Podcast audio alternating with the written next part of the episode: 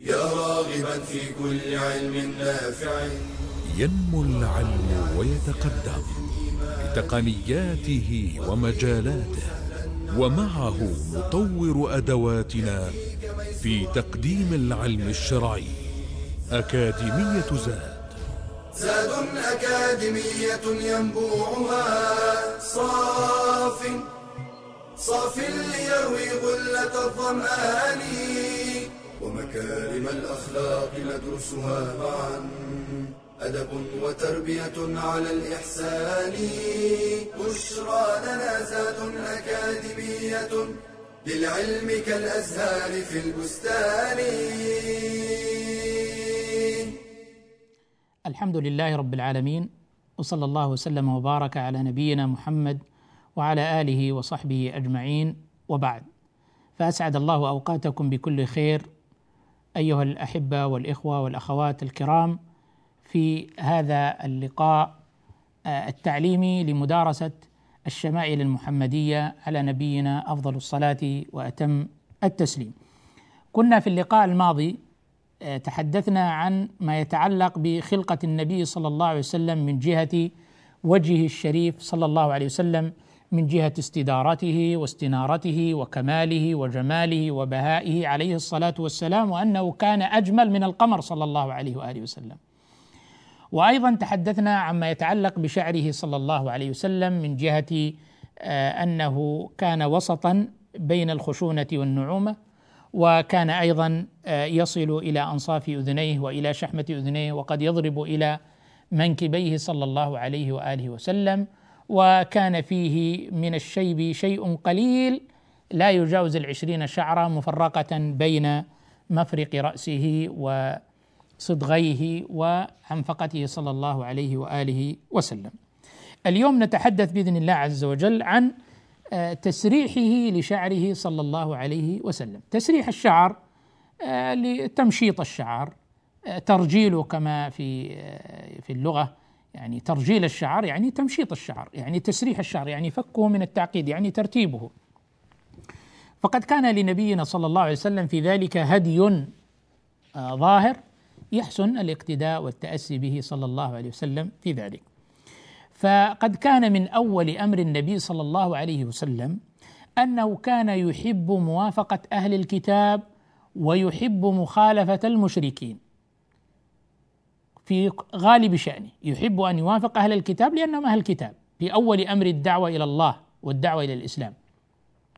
فكان يحب موافقة أهل الكتاب ومخالفة ويكره حال المشركين ويحب أن يخالفهم. فكان أهل الكتاب يسدلون شعورهم بمعنى أنهم ما كانوا يفرقون وإنما كانوا يسدلون. هكذا سدل للشعر بتمشيطه دون تفريق. فكان أهل الكتاب يفعلون ذلك فكان النبي صلى الله عليه وسلم يسدل شعره ولم يكن يفرق كما كانت تفرق العرب. ثم لما بدأ الناس يدخلون في دين الله أفواجا وظهر للنبي صلى الله عليه وسلم عداوة أهل الكتاب ومحادتهم ومعاندتهم للإسلام ولنبي الإسلام كان النبي صلى الله عليه وسلم مخالفا لهم فعاد إلى عادة العرب صلى الله عليه وسلم وهي الفرق. فكانوا يفرقون أي يجعلون الشعر إلى نصفين يفرقونه من المنتصف آه، أحدهما إلى جهة اليمين والآخر إلى جهة اليسار. فكانوا يفرقون فعاد إلى الفرق صلى الله عليه وسلم. فكان إذا سرح شعره فرقه جزء لليمين وجزء لليسار من منتصف الرأس. عن عائشة رضي الله عنها قالت كنت أرجل وهذا اللي ذكرت لكم قبل قليل الترجيل بمعنى التسريح للشعر بمعنى تمشيط الشعر. تقول عائشة رضي الله عنه كنت أرجل رأس رسول الله صلى الله عليه وسلم وأنا حائض.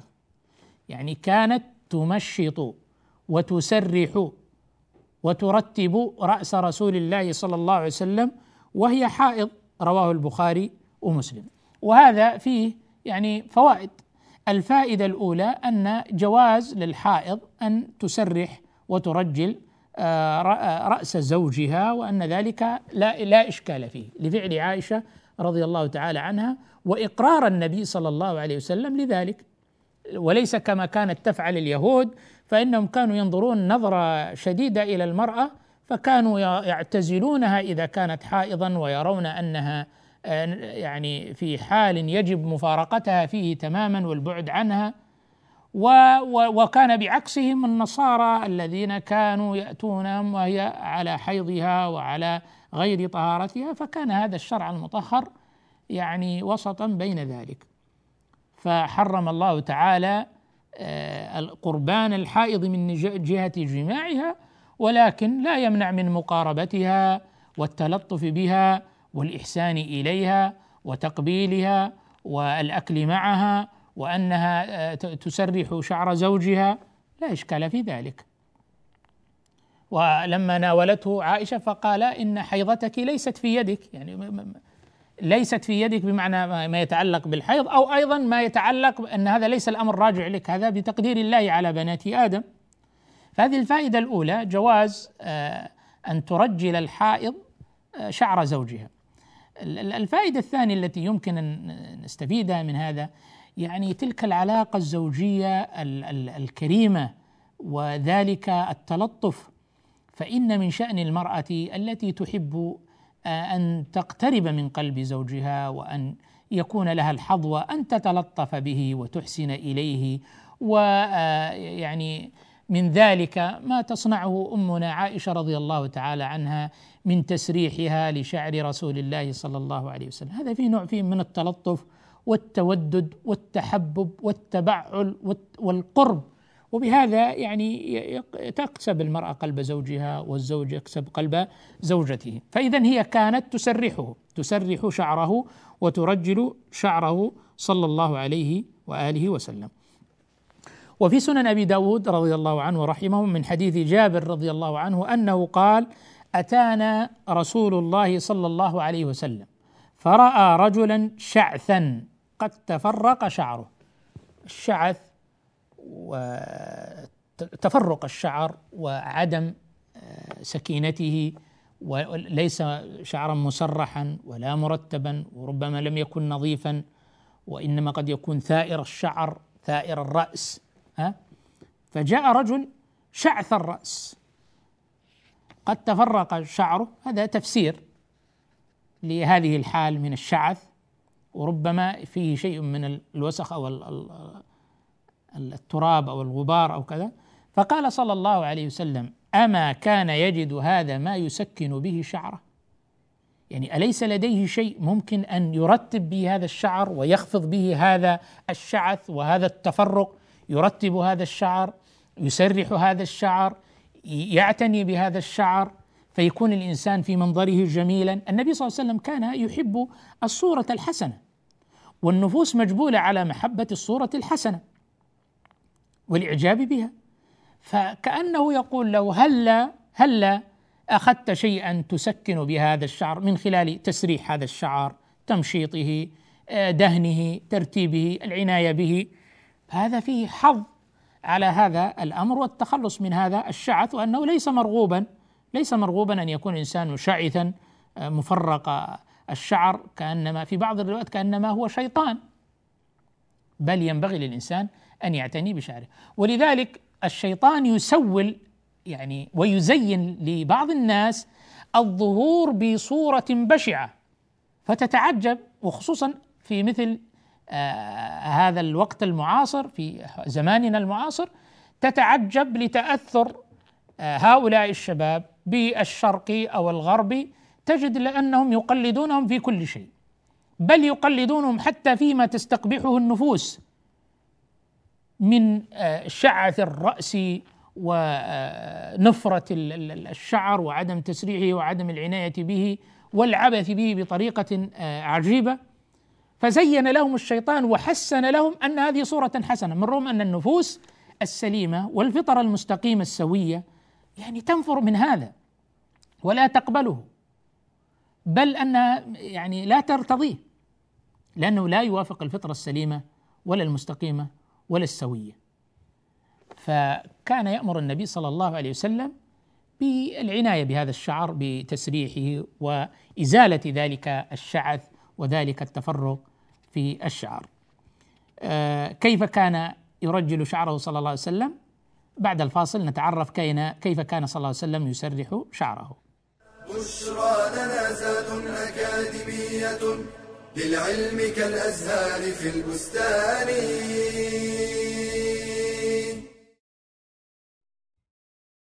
العلم مراتب فمنه فرض عين وهو تعلم ما لا يتأدى الواجب إلا به كتعلم صفة الوضوء والصلاة ومنه فرض كفاية كعلوم الحديث ومنه نفل كالتبحر في أصول الأدلة.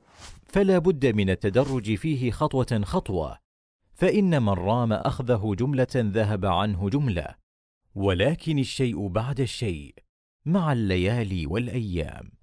ونراعي الأولويات في التعلم فنبدأ بالعلوم الأصلية كالتفسير والفقه قبل علوم الآلة كمصطلح الحديث وأصول الفقه. ونبدأ بتعلم الفروض قبل النوافل وفي الحديث القدسي ما تقرب إلي عبدي بشيء أحب إلي مما افترضت عليه. وقد قيل من شغله الفرض عن النفل فهو معذور ومن شغله النفل عن الفرض فهو مغرور. ونبدأ بالأسهل قبل الأصعب وبالمختصرات قبل المطولات. قال تعالى كونوا ربانيين والرباني الذي يربي الناس بصغار العلم قبل كباره. ونبدأ بتعلم ما يترتب عليه ثمرة قبل المسائل النظرية البحتة. ونبدأ بالتعلم قبل التصدر للتعليم. فإن فاقد الشيء لا يعطيه. ونهتم بالفهم والتدبر. ولا نقتصر على الحفظ والتلقين. فتدرج في طلب العلم حتى تكون من الراسخين. قال صلى الله عليه وسلم من يرد الله به خيرا يفقهه في الدين.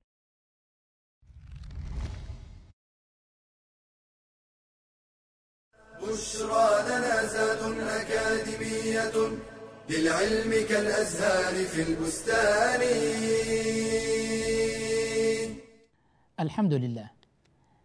قبل الفاصل كنا نتحدث عن تسريح النبي صلى الله عليه وسلم لشعره وأنه كان يسرح شعره وكانت أيضا زوجته أو زوجاته وما نقل لنا أن عائشة رضي الله عنها قد سرحت له ورجلت له شعره صلى الله عليه وآله وسلم، كان يسرح شعره وكان يحث على ذلك من جهة أنه آه، لما خاطب ذلك الرجل أو خاطب أصحابه أما كان يجد ما يسكن به شعره من دهنه وربما تسريحه وتمشيطه ويكون الانسان في صورة جميلة حسنة مرتبة وليس ثائر الرأس كأنه آه، شيطان.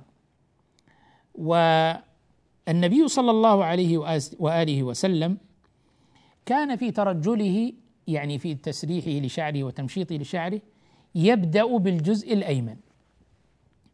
يبدأ بالجزء الأيمن. لحديث عائشة رضي الله تعالى عنها وهي أم المؤمنين التي كانت تشاهده في خاصة نفسه وخاصة شأنه.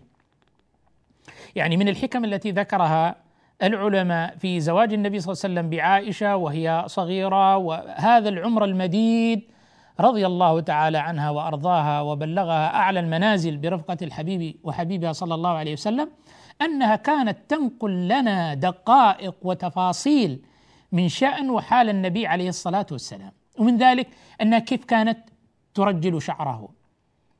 حتى في شأنه الخاص جدا كانت تنقل لنا كثير من التفاصيل.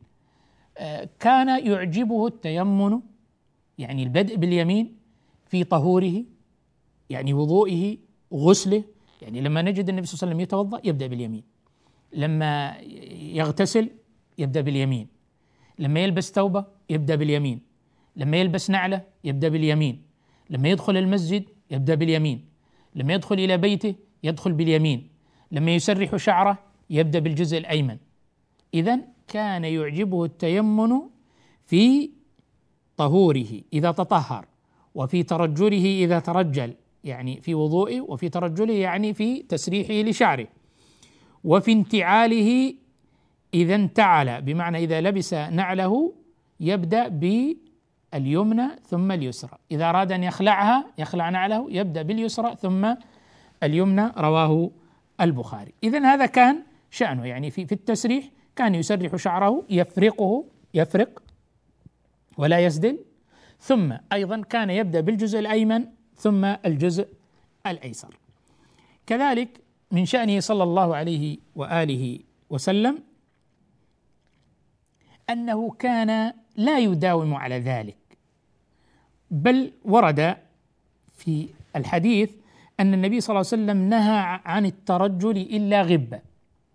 يعني لا يكون ديدن الإنسان وشأنه وخصوصا الرجل. أما المرأة فلا شك أنها معنية بذلك لأن المرأة أصلا مجبولة على الزينة وحب الزينة أو من ينشأ في الحلية وهو في الخصام غير مبين. ينشأ في الحلية أصلا تنشأ في التزين تجبل على الزينة. فالمرأة تفترق عن هذا في مزيد اهتمام وعنايتها بشعرها وتسريحه والعناية به لكن ذلك يختلف عن الرجل. نعم الرجل يهتم يعتني بشعره بنظافته بتسريحه بدهنه لكن النبي صلى الله عليه وسلم يقول إلا غبة. إيش معنى غبة؟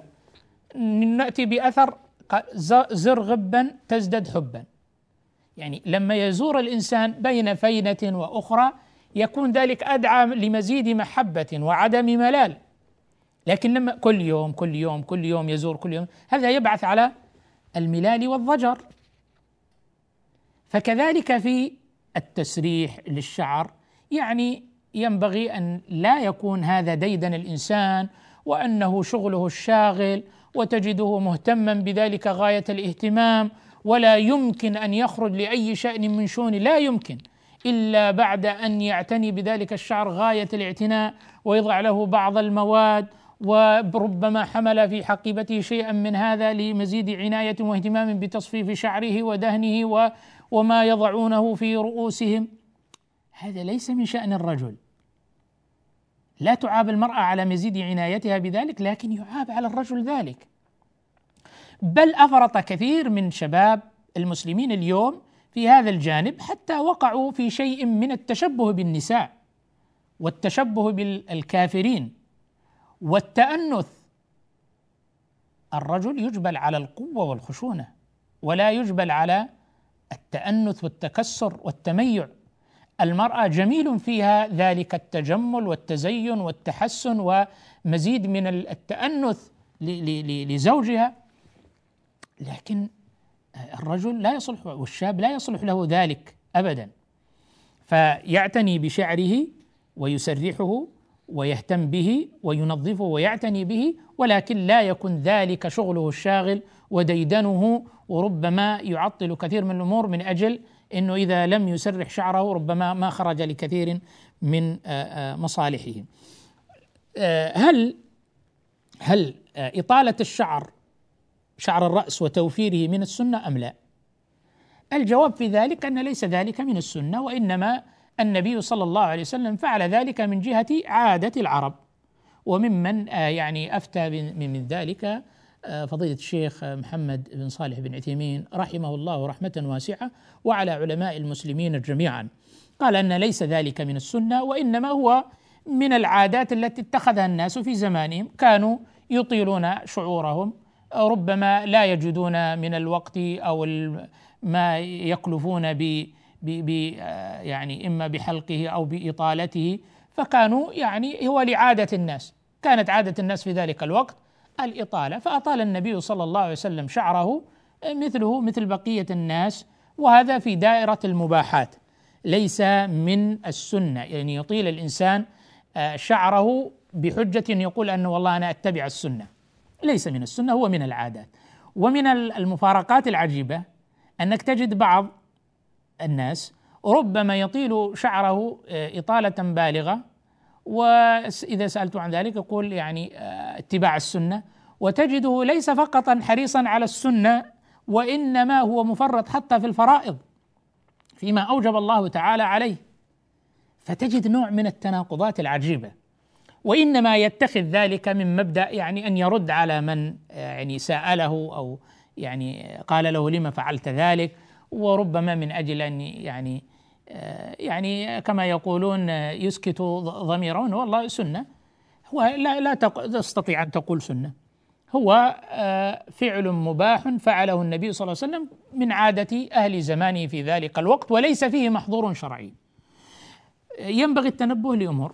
آه، أطلت شعرك مباح حلقت شعرك مباح قصرت شعرك مباح ليس في ذلك سنة.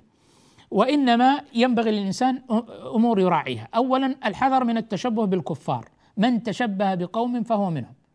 تجد كثير من الناس يفعل ما لم يكن يفعله سابقا. لماذا؟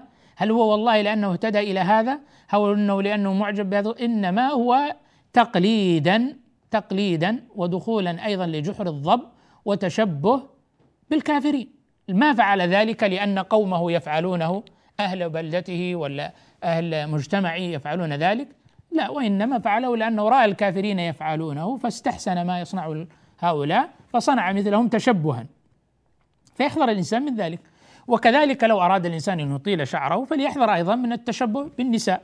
لعن الله المتشبهين من الرجال بالنساء. ولعن الله المتشبهات من النساء بالرجال. هذا لعن من النبي صلى الله عليه وسلم. لعن يعني طرد وإبعاد من رحمة الله. يفعل ذلك تشبه بالنساء أو تفعل النساء تشبه تتعجب. يعني شيء عجيب وغريب أن يأتي ذلك الزمن. تجد الرجال يفعلون ما يتشبهون به في النساء. ربما في ملابسهم ربما في حركاتهم ربما في أشكالهم في شعورهم. وتجد النكسة الأخرى أن النساء يتشبهون بالرجال إما في لباسهم وإما في شعورهم وطريقة تسريحهم وأعمالهم وشأنهم كله حتى في تصرفاتهم. لعن الله المتشبهين من الرجال بالنساء ولعن الله المتشبهات من النساء بالرجال. ما حكم حلق بعض الشعر وترك بعضه؟ نتعرض لذلك بإذن الله عز وجل بعد الفاصل. بشرى لنا زاد أكاديمية للعلم كالأزهار في البستان.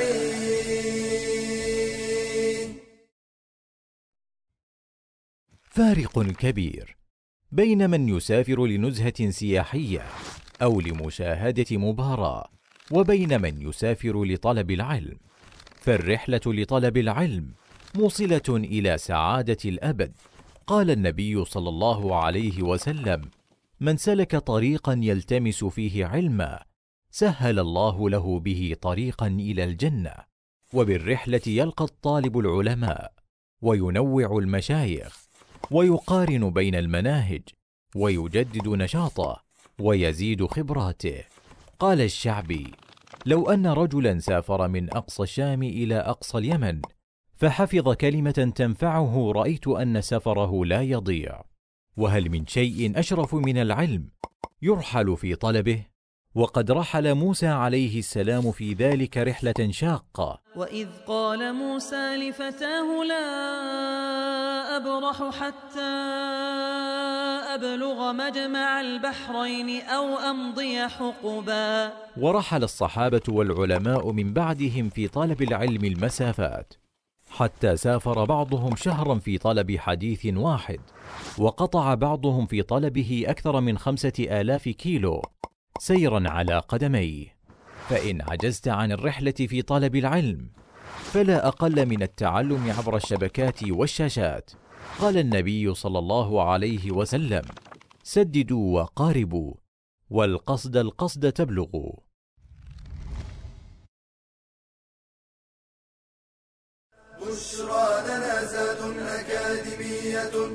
للعلم كالأزهار في البستان. الحمد لله والصلاة والسلام على رسول الله وعلى آله وصحبه ومن والاه. أما بعد كنا توقفنا فيما يتعلق بشعر رسول الله صلى الله عليه وسلم من جهة تسريحه.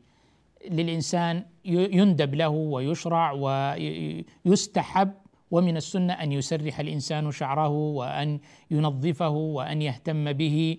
ولذلك أن يقوم بنفسه أو يقوم به غيره كزوجته مثلا آه، من الأمثلة هذا. وللإنسان أن يرتب شعره ولا يجعله ثائرا آه، للإنسان أن يطيل شعره آه، ولا يعد ذلك سنة وله أن يقصر منه وله أن يحلق شعره. لا إشكال في ذلك. لكن بشروط ألا يكون هنالك تشبه بالكافرين. ولا يكون أيضا هنالك تشبه بالنساء لأنه قد ورد النهي من النبي صلى الله عليه وسلم واللعن وأنها كبيرة من كبائر الذنوب. أن الإمام النووي رحمه الله تعالى تحدث فيما يتعلق بحلق الشعر قال ولم يحلق النبي صلى الله عليه وسلم رأسه في سني الهجرة يعني من بعد الهجرة إلا عام الحديبية وثم عام عمرة القضاء ثم عام حجة الوداع. يعني في نسك كلها أنساب. يعني آه عام الحديبية لما جاءوا يريدون البيت آه معتمرين. فمنعوهم منعوهم وحلق النبي صلى الله عليه وسلم رأسه ونحر هديه وفعل الصحابة ذلك.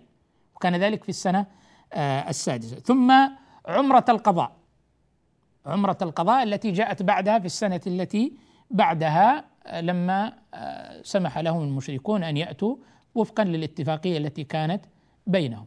فجاء لعمرة القضاء وحلق رأسه صلى الله عليه وسلم. وكذلك عام حجة الوداع أيضا حلق صلى الله عليه وسلم شعره ونحر هديه عليه الصلاة والسلام. فهذه الحالات التي ثبت أن النبي صلى الله عليه وسلم حلق فيها آه، رأسه كما نقل ذلك الإمام النووي.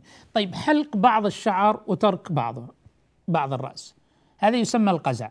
يعني مثلا يحلق من الجوانب كما يقولون ينحت من الجوانب ويترك الوسط أو العكس أو يعبث في شعره بطريقة إنه يعني يحلق بعضا ويترك بعضا من غير حاجة مثلا كحجامة لا إشكال آه، كتطبب لا إشكال كعملية جراح لا إشكال.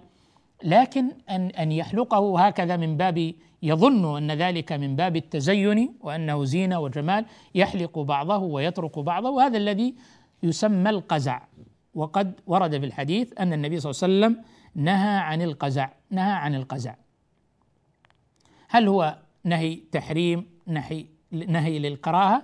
الأصل عند العلماء وأهل الأصول أن النهي إذا جاء يجي للتحريم إلا أن يصرفه صارف عن ذلك. فنهى النبي صلى الله عليه وسلم عن القزع. يعني الآن لو كنا لو كان النبي صلى الله عليه وسلم بيننا لو كان الآن بيننا عليه الصلاة والسلام وقال لنا لا تحلقوا بعضا وتتركوا بعضا نقول له يا رسول الله هل هو هذا النهي نهي كراهة أم نهي تنزيه أم نهي تحريم؟ لا نقول له إلا سمعنا وأطعنا. ولم نسمع من الصحابة رضي الله تعالى عنهم لما يأمر النبي صلى الله عليه وسلم بأمر الا أن يقولوا سمعنا وأطعنا ولا ينهاهم عن نهي إلا قالوا سمعنا وأطعنا. وهذا آه، المؤمنين حقا. نهى النبي صلى الله عليه وسلم عن القزع. ما يفعله بعض الناس يعني هو تشبه حقيقة ما الذي حمله على فعل ذلك؟ رأى بعض من لا خلاق لهم يصنع ذلك فصنعه.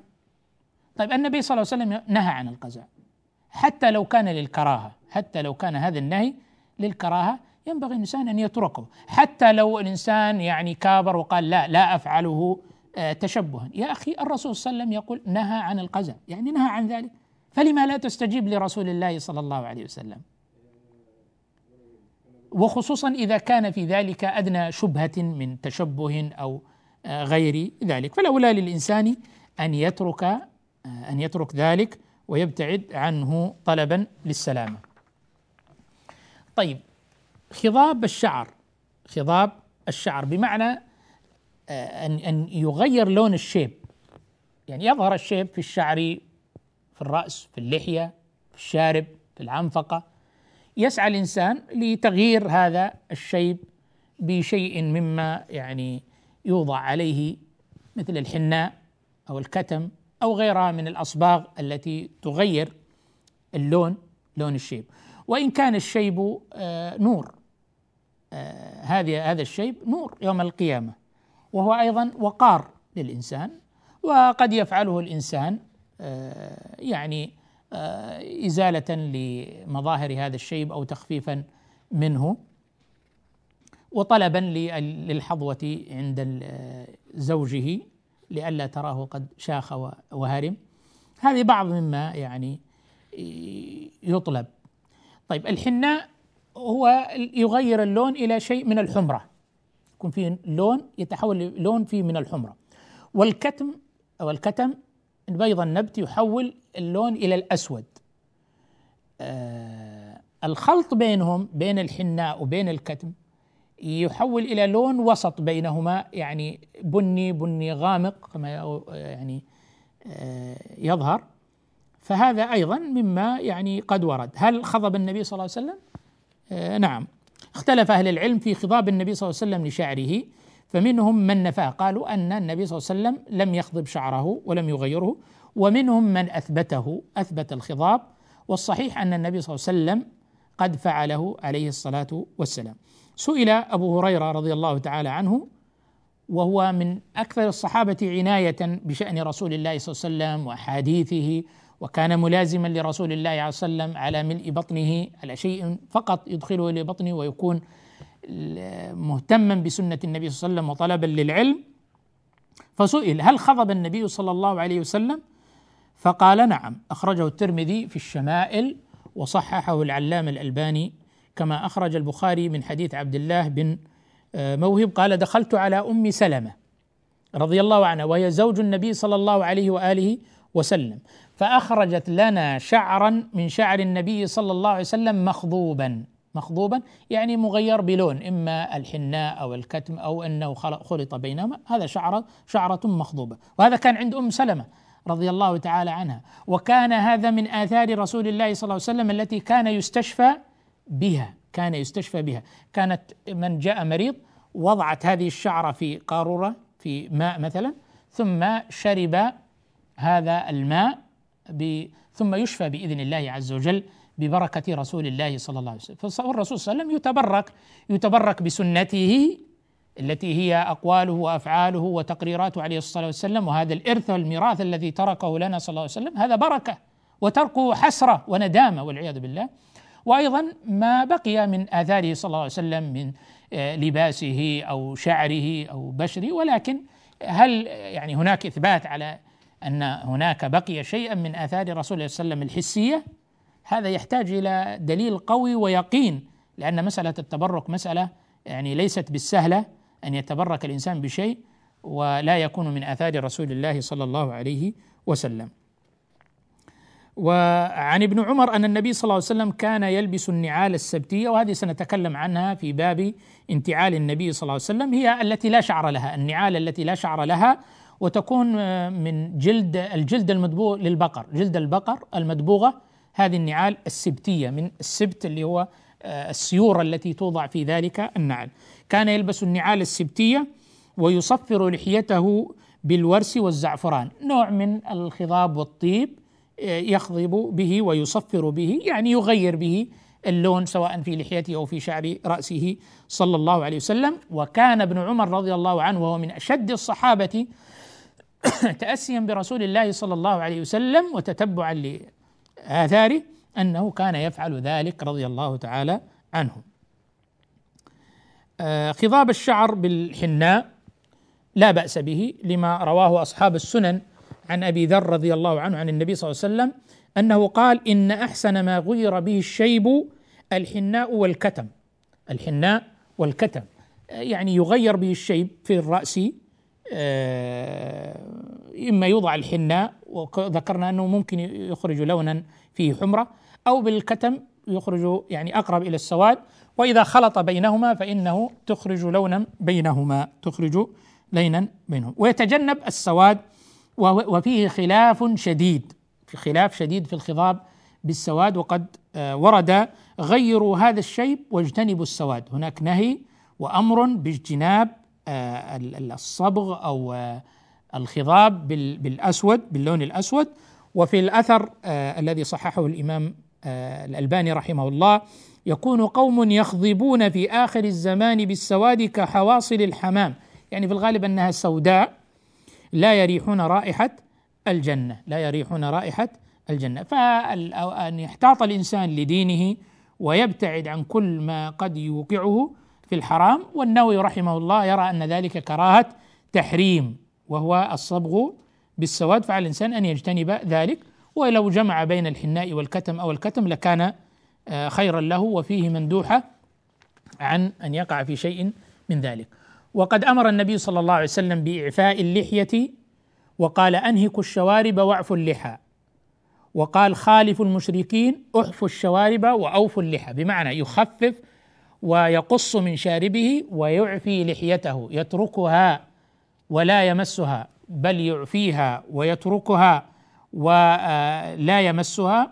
وقد كانت لحية النبي صلى الله عليه وسلم كثيفة يعني كثيرة الشعر صلى الله عليه وسلم وكانت ضخمة آه، كما قال كان رسول الله صلى الله عليه وسلم آه، رجلا كث اللحية كث اللحية لحيته كثة وكثيفة وكانت أيضا مسترسلة وكان عظيم اللحية وكان لا يقربها صلى الله عليه وآله وسلم. آه، أسأل الله سبحانه وتعالى أن يرزقنا التأسي برسول الله صلى الله عليه وسلم والحمد لله رب العالمين. تلك العلوم دروسها ميسورة في صرح علم الراسخ الأركان. بشرى لنا بشرى لنا بشرى لنا زاد أكاديمية للعلم كالأزهار في البستان.